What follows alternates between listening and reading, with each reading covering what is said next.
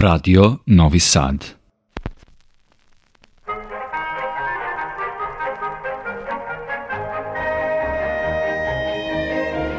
Putevima muzike. Vodi vas Olena Puškaš.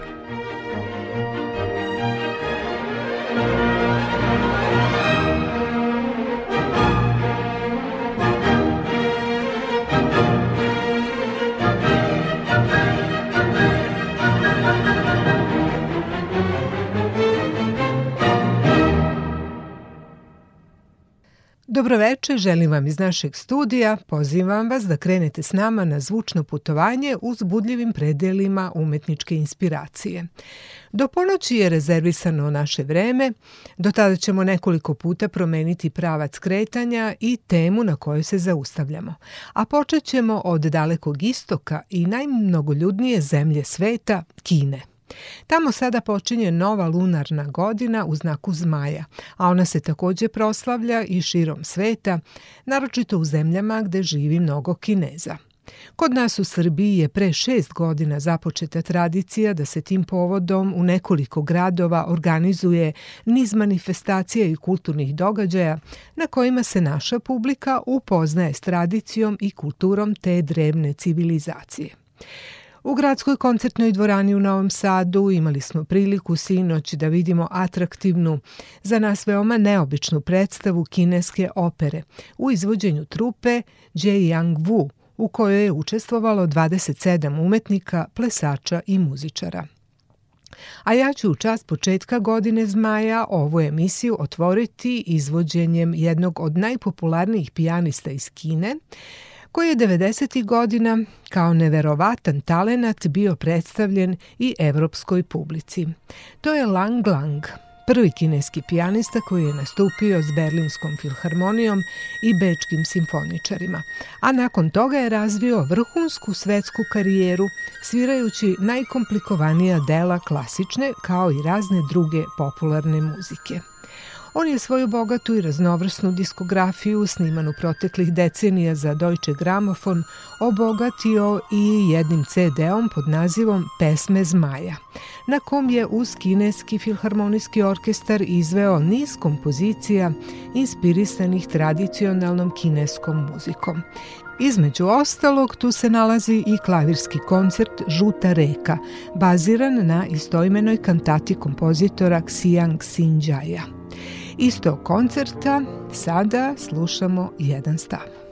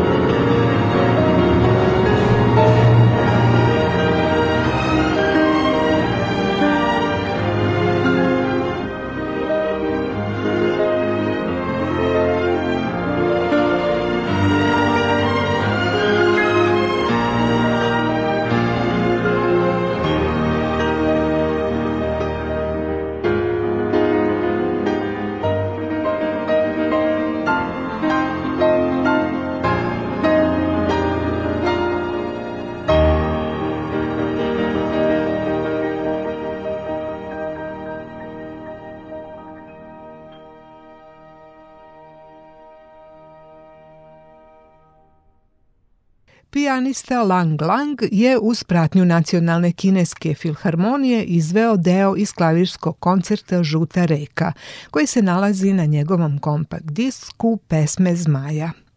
Melodije i karakteristični instrumenti dalekog istoka zazvučali su na početku naših puteva muzike, povodom početka godine zmaja po kineskom kalendaru koja se sve do 19. februara proslavlja i u našoj zemlji. Centralna manifestacija biće održana na platovu Beograda na vodi 9. februara pod nazivom Proslava godine zmaja, a 19. februara će u Kolačevoj zadužbini nastupiti kineski orkestar tradicionalnih instrumenta. Putevima muzike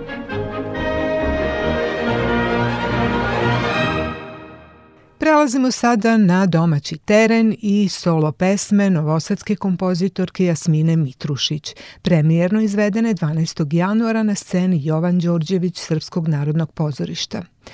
Zapravo se radi o kompozicijama za dva glasa i klavir na stihove pesnika koji su na različite načine bili povezani s Novim Sadom. Izvođači su bili sopran Senka Nedeljković, tenor Goran Strgar i pijanistkinja Nataša Penezić, a prva pesma na koncertu pisana je na stihove pesme Zvono Laze Kostića.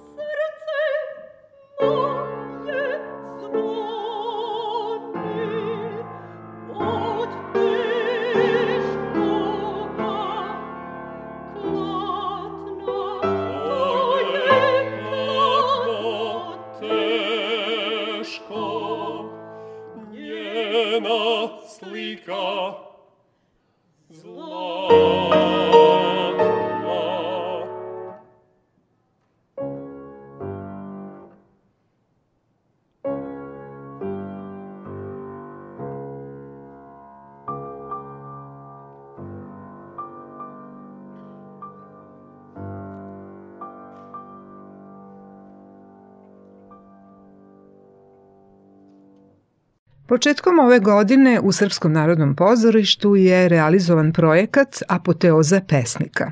Na njemu smo slušali pesme naše kompozitorke Jasmine Mitrušić, pisane na poeziju osam pesnika iz zbirke koju je načinio književnik Zoran Đerić pod nazivom Pesnici Novog Sada. E, malo pre smo čuli prvu tačku zabeleženu na tom koncertu, a više o tom projektu čućemo od moje gošće Jasmine Mitrušić. Jasmina, dobrodošli u naš studio i Hvala, na Tala se radi u Novog Sada u emisiju Putevima muzike.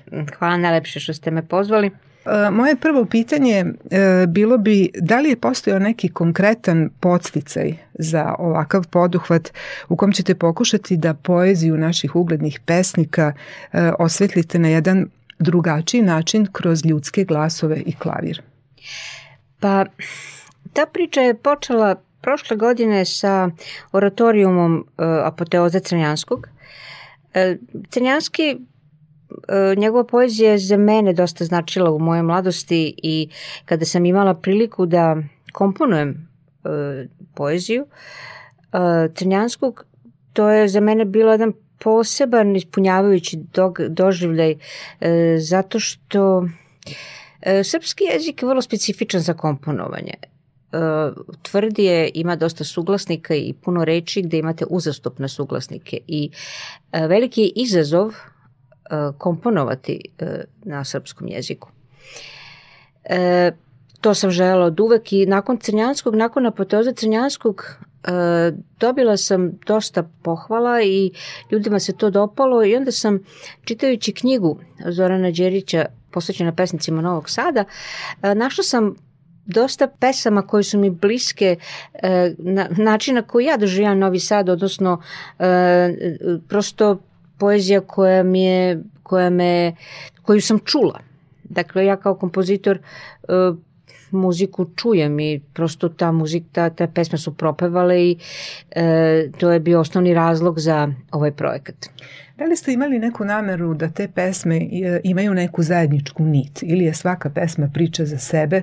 Na koji način ste birali koja pesma će biti odgovarajuća za onu muziku koju čujete uz nju? Činjenica je da su me najviše privukle depresivne pesme.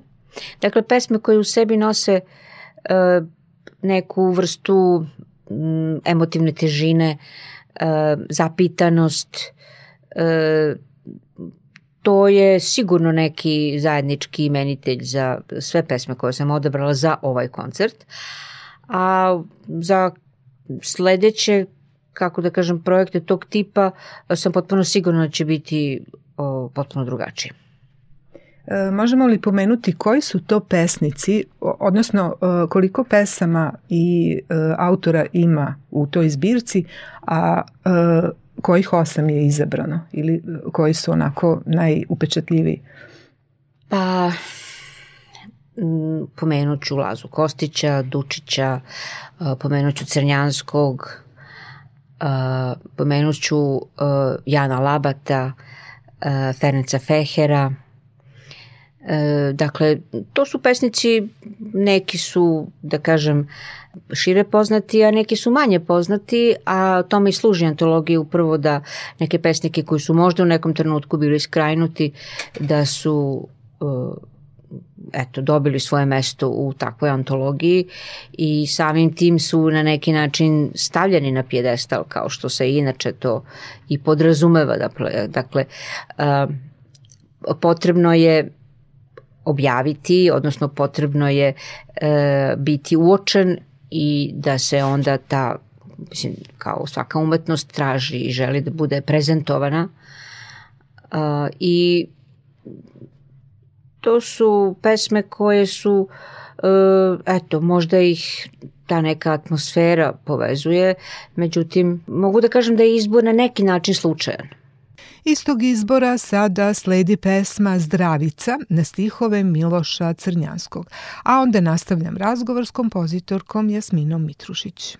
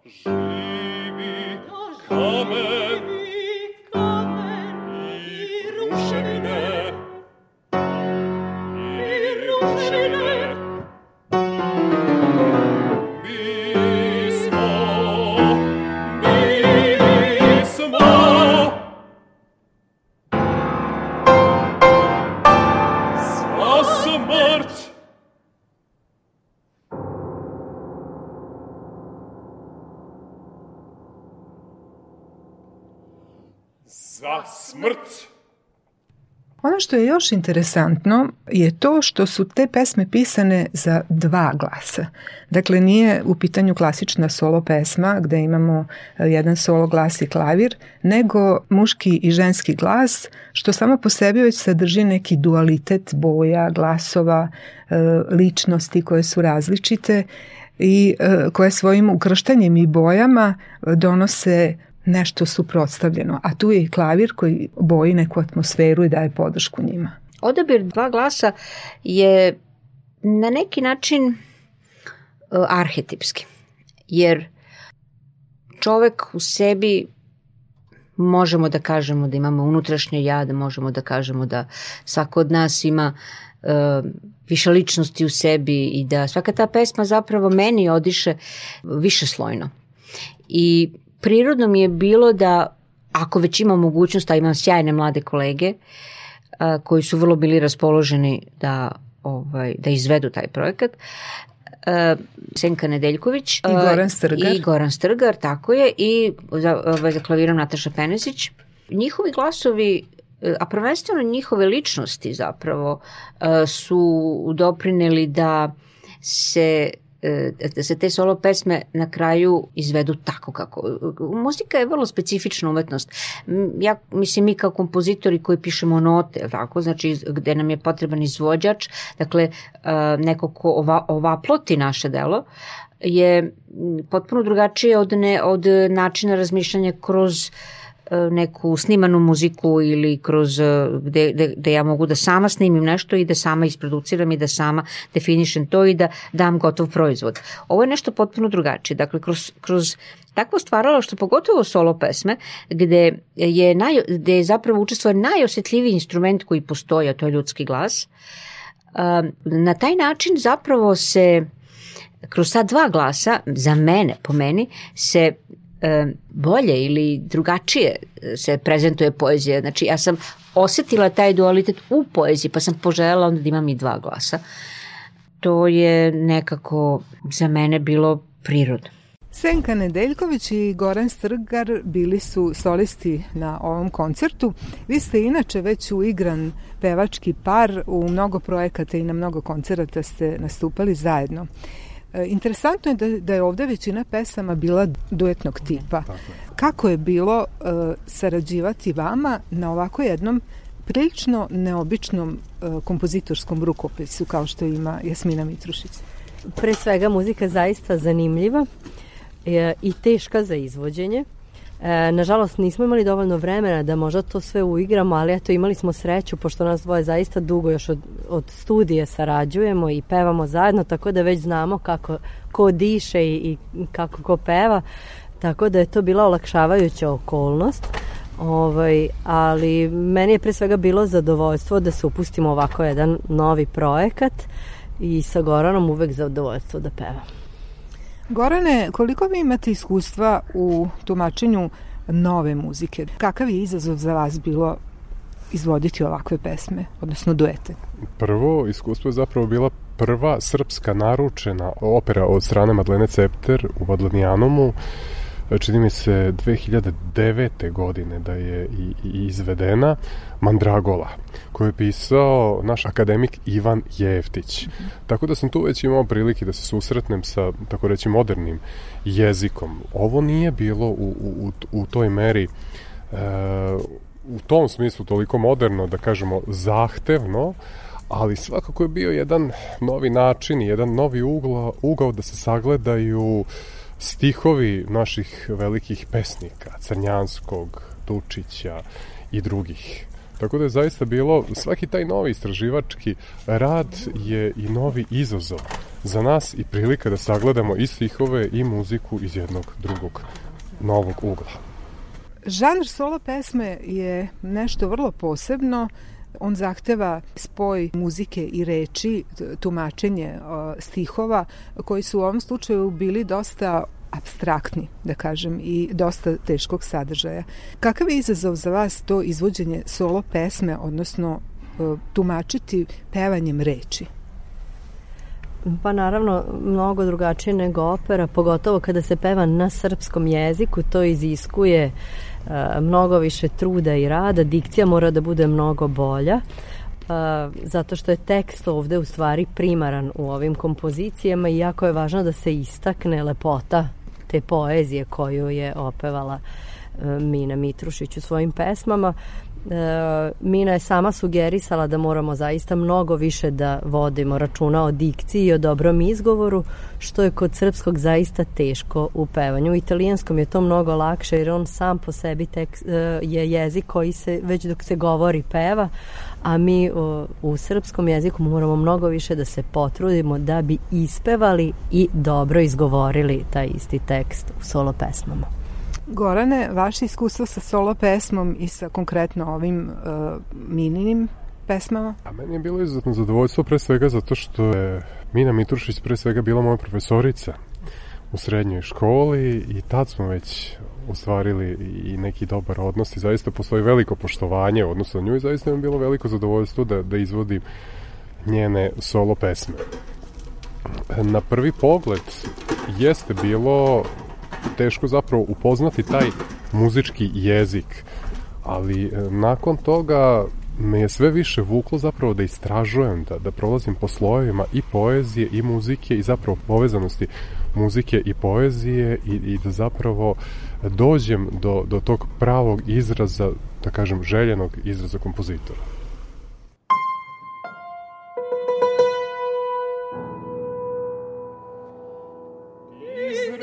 sto je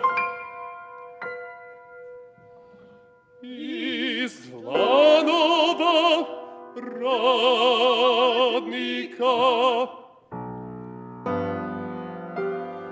koji za nas vojvoduju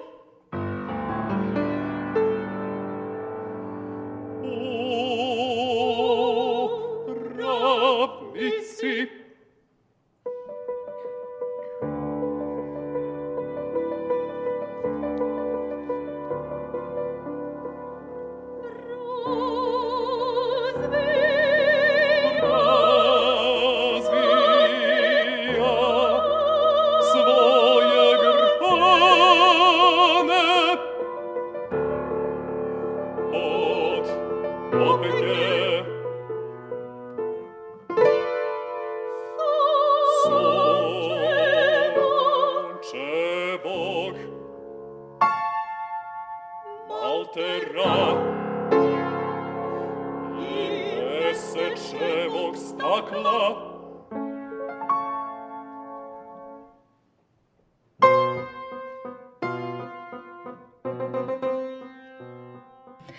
Deonica klavira je bila zaista rekla bih nešto posebno, pogotovo pod prstima Nataše Penezić koja upravo, je fantastična. Upravo to.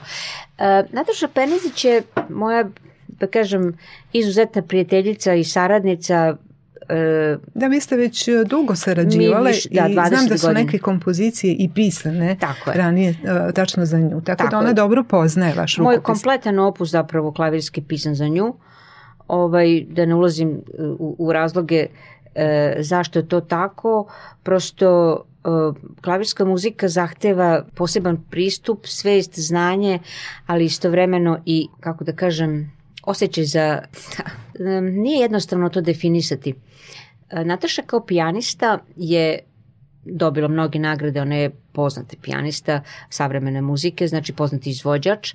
E, ona je godinama pronicala u strukturu i sadržinu savremene muzike, kad kažem savremeno mislim na muziku koja nije eksplicitno tonalna, e, ima malo drugačije shvatanje forme. Dakle, ona je to elaborirala i, i zaista izuzetno poznaje e, svaki mogući aspekt e, muziciranja, odnosno dakle, izvođenja muzike koja nije predvidiva. I sad, moja velika čast i zadovoljstvo da sarađujem sa njom, zaista jer a, način na koji ona svira to zapravo a, daje upravo to što ste rekli, jednu posebnu dimenziju, jer to nije običan korepetitor, kad kažemo kad kažemo korepetitor mislimo na osobu koja prati um, soliste a da je ta partitura klavirska na neki način pojednostavljena da bi to mogao i loši pijanist da svira. Ovo je pisano za izvrsnog pijanistu i izvrsne pevače. Dakle, nije moguće da to peva neko ko je mlad, odnosno neko ko nema dovoljno iskustva, možda i može, ali e, potrebna je neka vrsta zrelosti i ne samo glasa, nego i e, emotivne zrelosti da bi se pristupili izvođenju ovakve muzike. Ovo je rekla Jasmina Mitrušić, a sada ćemo čuti šta je pijanistkinja Nataša Penezić rekla o svom doživljaju muzike ove kompozitorke. Mislim da je prst sudbine ovog puta presudio, zato što uopšte nije trebalo ja da izvodim ovu muziku, nego jedna potpuno drugačija ekipa ljudi, ali eto kao i uvek ne, neke nepredviđene okolnosti se dese, tako da smo došli do evo ovog izbora, dakle Goran, Senka i ja koja ih pratim, mada Mina to doživljava kao trio, što je ovaj, posebno interesantno za pijanistu, kao što sam ja, zato što posmatram svoj taj klavirski part ne kao puku pratnju, nego kao ne kao samo tonski opis onoga što se dešava, iako to jeste, dakle, način da se ovaj, eh, pojača moć teksta. Dakle, način na koji Mina ovaj, funkcioniše kada je u pitanju tretman teksta je jako specifičan, a posebno je interesantno kako prilazi klaviru kao instrumentu, zato što tu postoji onda puno prostora za pijanistu da se razmaše u smislu mašte. Minin kompozitorski rukopis jeste specifičan. E, to je jedna posebna vrsta muzike i zaista sam imala utisak da je uloga klavira ovde da daje atmosferu, ne samo da podržava uh, pevače, nego da boji tu atmosferu uh, prilično teških i sumornih tema ovih pesama. Da, e, pa eto, to je, to je, ja mislim, jedan od Mininih najvećih talenata što mislim da čak nekad prvo čuje muziku i onda iz tog unutrašnjeg sluha bira čemu ta muzika prija. Tako da govorim na pamet, ona će to sigurno znati bolje da objasni, ali deluje mi kao da je prvo čula muziku i onda pronašla pesme, možda bar za neke, tako mi se čini. A ovaj, izabrala je tekstove kao što ona sama kaže, ona ne zna nikad nešto veselo da opeva ili da ovaj, muzički opiše, nego prosto bira neke teme koje možda široj publici deluju kao sumorne ili depresivne, ali činjenica je da mi živimo u svetu u kakvom živimo i da Mina nije kompozitor koji žmuri na stvari koje se dešavaju oko nas, tako da to opominjanje koje je posebno intenzivno kada je u pitanju muzika koja spaja tekst i muziku onda vrlo ovaj, intenzivno. E, da li ste do sad sarađivali sa solo pevačima? To je jedan specifičan oblik kamernog muziciranja. Kako vam je bila saradnja sa Senkom i Goranom? E, razlog zašto sam obe ručke ne prihvatila nego poletela da e, radim ove solo pesme je to što sam čula od Mina da će Goran pevati i posle i Senka. Senku sam tek sada upoznala, ali Gorana znam više od 20 godina zato što je radio na akademiji kad sam ja bila student. I e, prvi i poslednji put kad sam pratila pevača je bilo sa Goranom, dakle jedno večer ruskih harija koje je profesor Vladimir Ogarkov organizovao u Beogradu. E, tako da sam skočila da ovo radim jer je Goran izuzetno posvećen, strašno je profesionalan i ta želja a ja sam u tom momentu još bila bolesna, on koji je prosto insistirao da se nalazimo i da imamo neke ovaj, probe i da pričamo o muzici i da pričamo o tome kako ćemo koncepciju da napravimo, pa da me snima, pa onako prvi put da mi se desilo u životu da je pevač posvećenije prišao projektu od mene, tako da ovo ovaj, je stvarno bilo iznenađujuće uzbudljivo i inteligentno raditi sa ovim pevačima.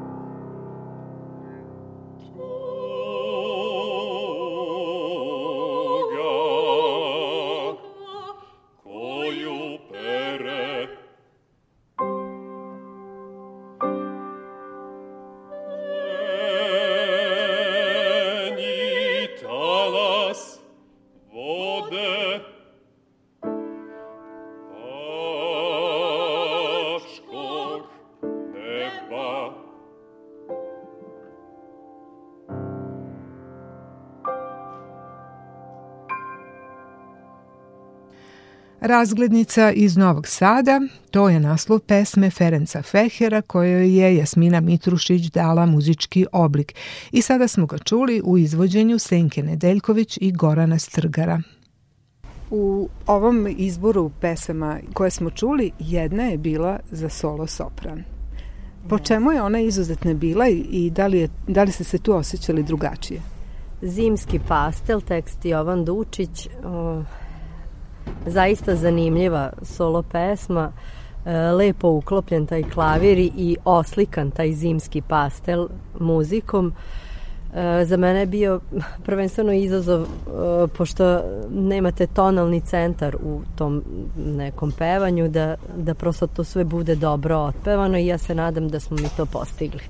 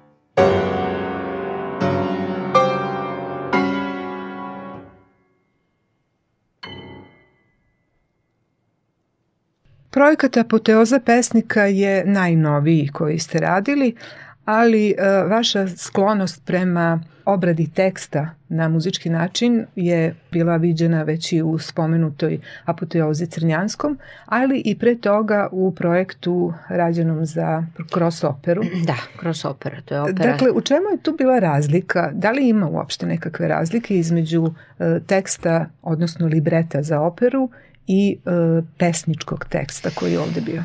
Pa, moj uslov da pišem operu zapravo je bio da ja napišem libreto, zato što govorni tekst nije isti kao pevani tekst, znači taj pevani tekst mora da bude uh, biran, to, to mora biti birane reči koje mogu da se pevaju.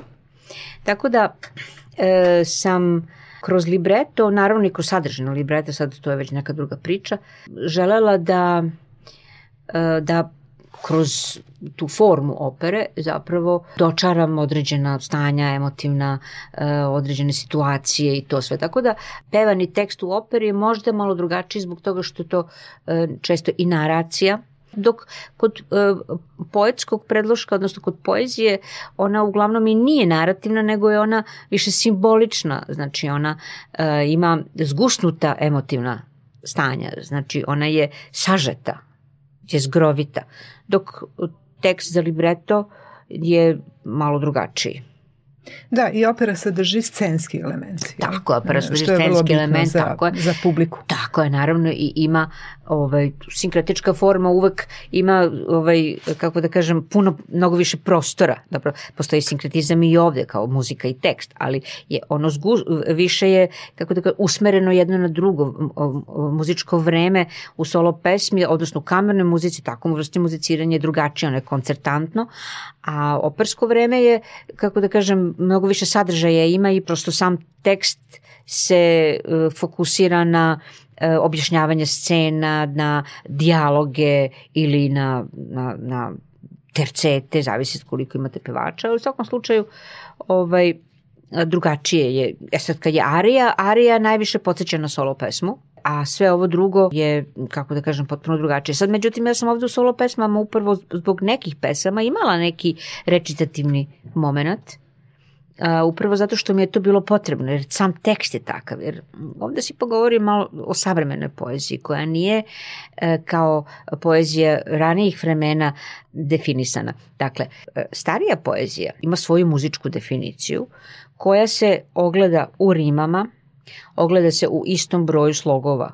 u stihu, određe, znači ima isti broj stihova u strofi, Znači, tačno se zna, to, je, to, su, to su forme. Znači, ta, i takve pesme se onda podrazumeva se da će muzička forma zaokružiti svaku strofu, da će između biti, znači, muzički prelaz, pa ponovo nova strofa, da će biti ista muzika ili drugačija muzika.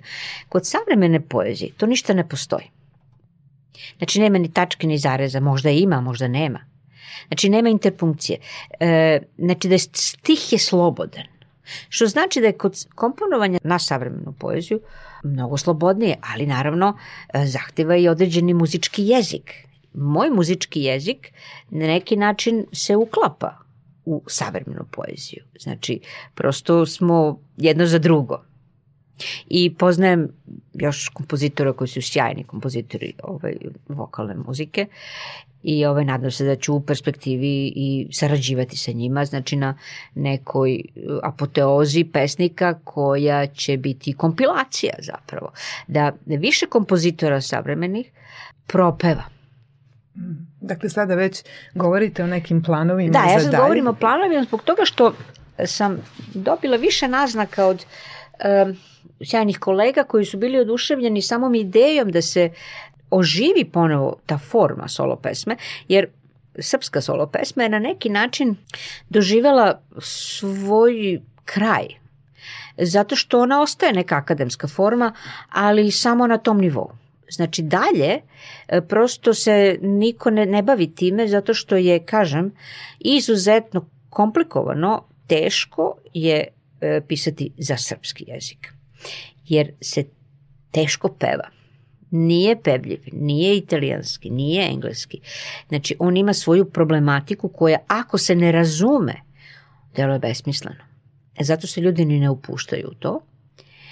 I zato želim da svojim delovanjem i sa svojim kolegama za koje sam apsolutno sigurna da se sjajno uklapaju u tu priču i da odlično poznaju, da kažemo, način e, tretmana teksta e, srpskog jezika, da zapravo e, nastavimo tu tradiciju u narednim apoteozama. Ja ne mogu jednom apoteozom da opevam sve pesnike, ja želim da opevam sve pesnike. Naravno, to nije moguće, ali ako se to bude nastavilo, sa, znači, kao jedan, jedna tradicija, Znači, može neki mlad kompozitor da poželi da iskomponuje ceo koncert. E, znači, nemam ništa protiv toga. Ja želim da pomognem, znači svima njima, svojim delovanjem, da oni ostvare e, svoje ambicije, jer je to značajno za srpsku muziku, za istoriju srpske muzike. Prosto da postoji jedan e, fundus savremenih solo pesama i da se na kraju, eto, da se izvuče iz zapečka takva forma. Ja verujem da, da, da postoji potreba i da se posebno pevači obrazuju, odnosno da se posebno obrati pažnja na dikciju srpskog jezika. Ja, to, ja na tome radim sa pevačima. Znači, e, na dikcija, dikcija drugačija. I to zahteva sad, to zahteva vreme, zahteva jedan posao, ali nadam se da ćemo svojim delovanjem da utrem put budućim mladim kompozitorima koji će se oslanjati na, na ovo, prosto da imaju neki materijal od, odakle da krenu. Hvala vam lepo, eto sa ovim planovima bismo ovu priču i priveli kraju, dakle očekujemo i sledeću apoteozu, a sada ćemo se još zadržati na pesmama zabeleženim početkom januara u Srpskom narodnom pozorištu. Moja gošća je bila Jasmina Mitrušić, hvala lepo. Hvala najlepše.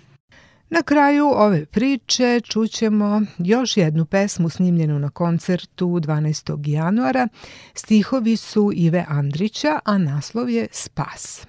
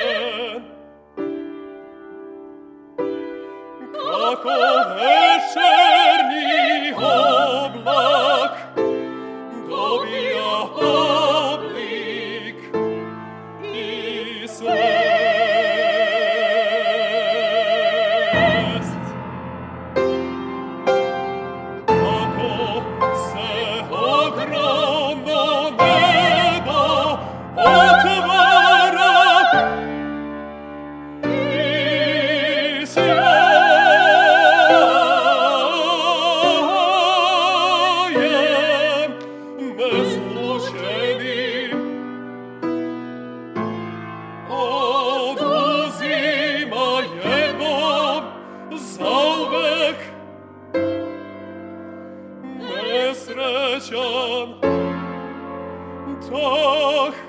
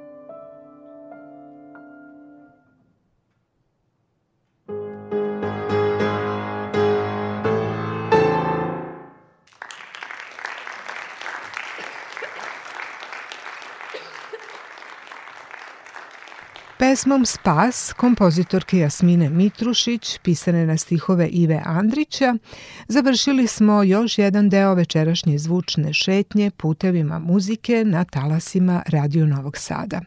Izvođači na ovom snimku su bili Senka Nedeljković sopran, Goran Strgar tenor i Nataša Penezić klavir. Putevima muzike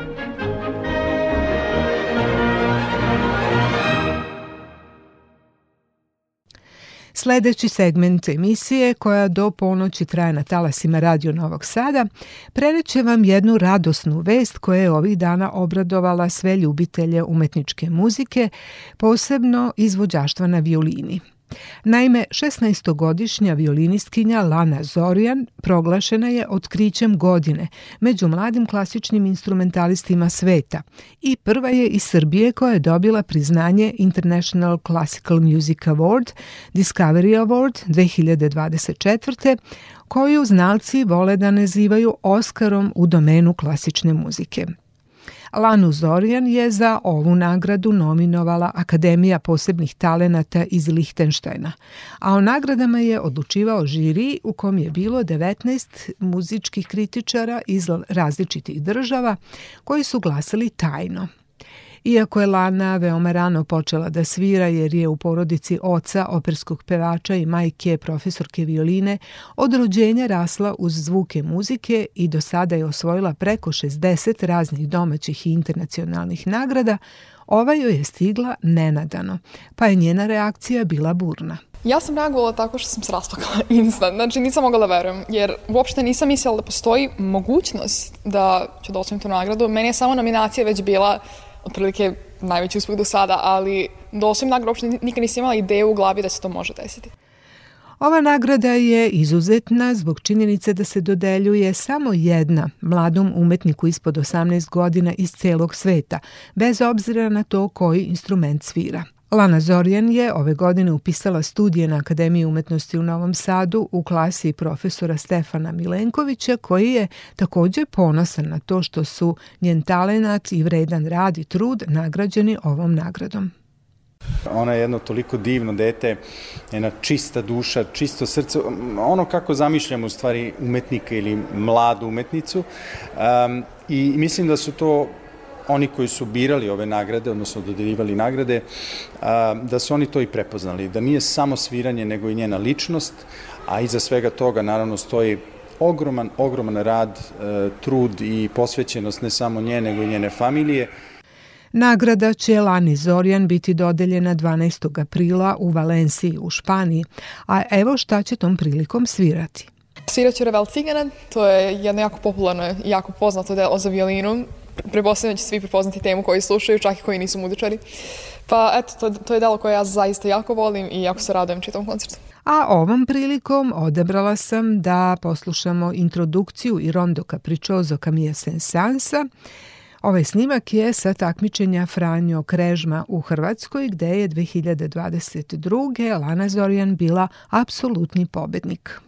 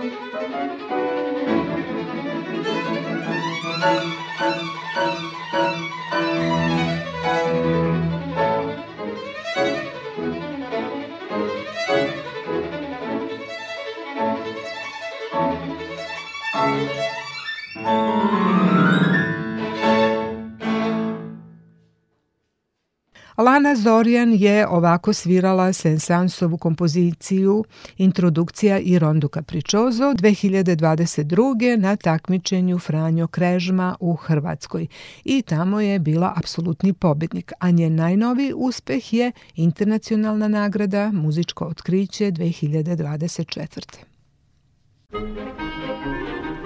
Putevima muzike.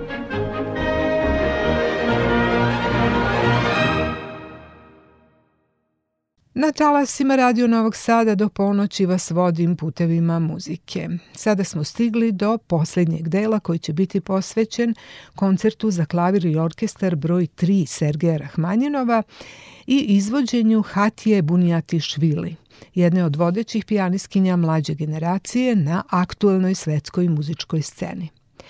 Ona je rođena 1987. u Tbilisiju u Gruziji, gde je započela da neguje svoj rano otkriveni talenat. Kasnije se usavršavala u Beču u klasi profesora Olega Majsenberga i razvila se u upečatljivu pijaniskinju veoma samosvojnog umetničkog izraza i egzotičnog atraktivnog izgleda. U dosadašnjoj intenzivnoj karijeri nastupala je s mnogim vodećim orkestrima i dirigentima današnjice, također je ostvarila i značajne kamerne saradnje s kolegama, posebno kao redovan učesnik festivala u Verbijeu, Sa diskografskom kućom Sony Classic ima ekskluzivni ugovor i za njih je svoj prvi CD sa delima Franca Lista snimila 2011. Od onda svake godine snimi po jedno ili dva izdanja, od kojih su najširu popularnost dobili albumi Motherland, odnosno Domovina i Kaleidoskop, a najnoviji iz 2020. nosi naziv Lavirint.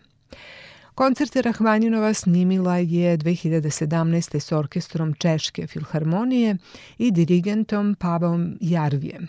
I upravo sa njega sada ćemo emitovati koncert broj 3 u D-molu, za koji su kritičari posle premijere 1909. napisali da odražava najbolje strane Rahmaninovljeve stvaralačke moći, iskrenost, jednostavnost i jasnoću muzičke misli. Za razliku od prethodna dva koja su bila više fokusirana na klavir kao glavnu atrakciju i centar muzičkog sadržaja, ovaj treći koncert tešnje povezuje klavir i orkestar, strukturno je složeniji i više odstupa od naivnih romantičarskih osobina koje su vidljive u drugom koncertu. Dakle, sada slušamo tumačenje Hatije Bunijatišvili i orkestra Češke filharmonije. Dirigent je Pavo Jarvi.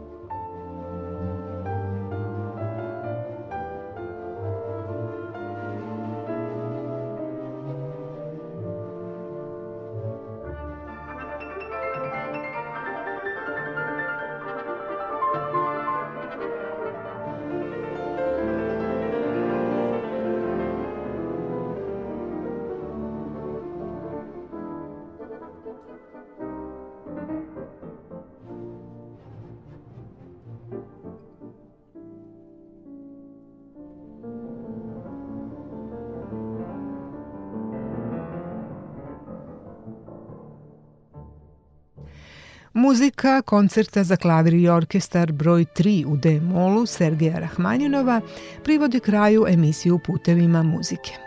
Solistkinje Hatija Bunijatišvili, a Češkom filharmonijom diriguje Pavo Jarvi. Meni sada samo ostaje da vas pozdravim u ime dežurne tonsko-tehničke ekipe i da vam poželim laku noć. A ukoliko vas još nije savladao san, Možete i dalje ostati uz noćni program Radio Novog Sada koji počinje posle ponoći. Svako dobro.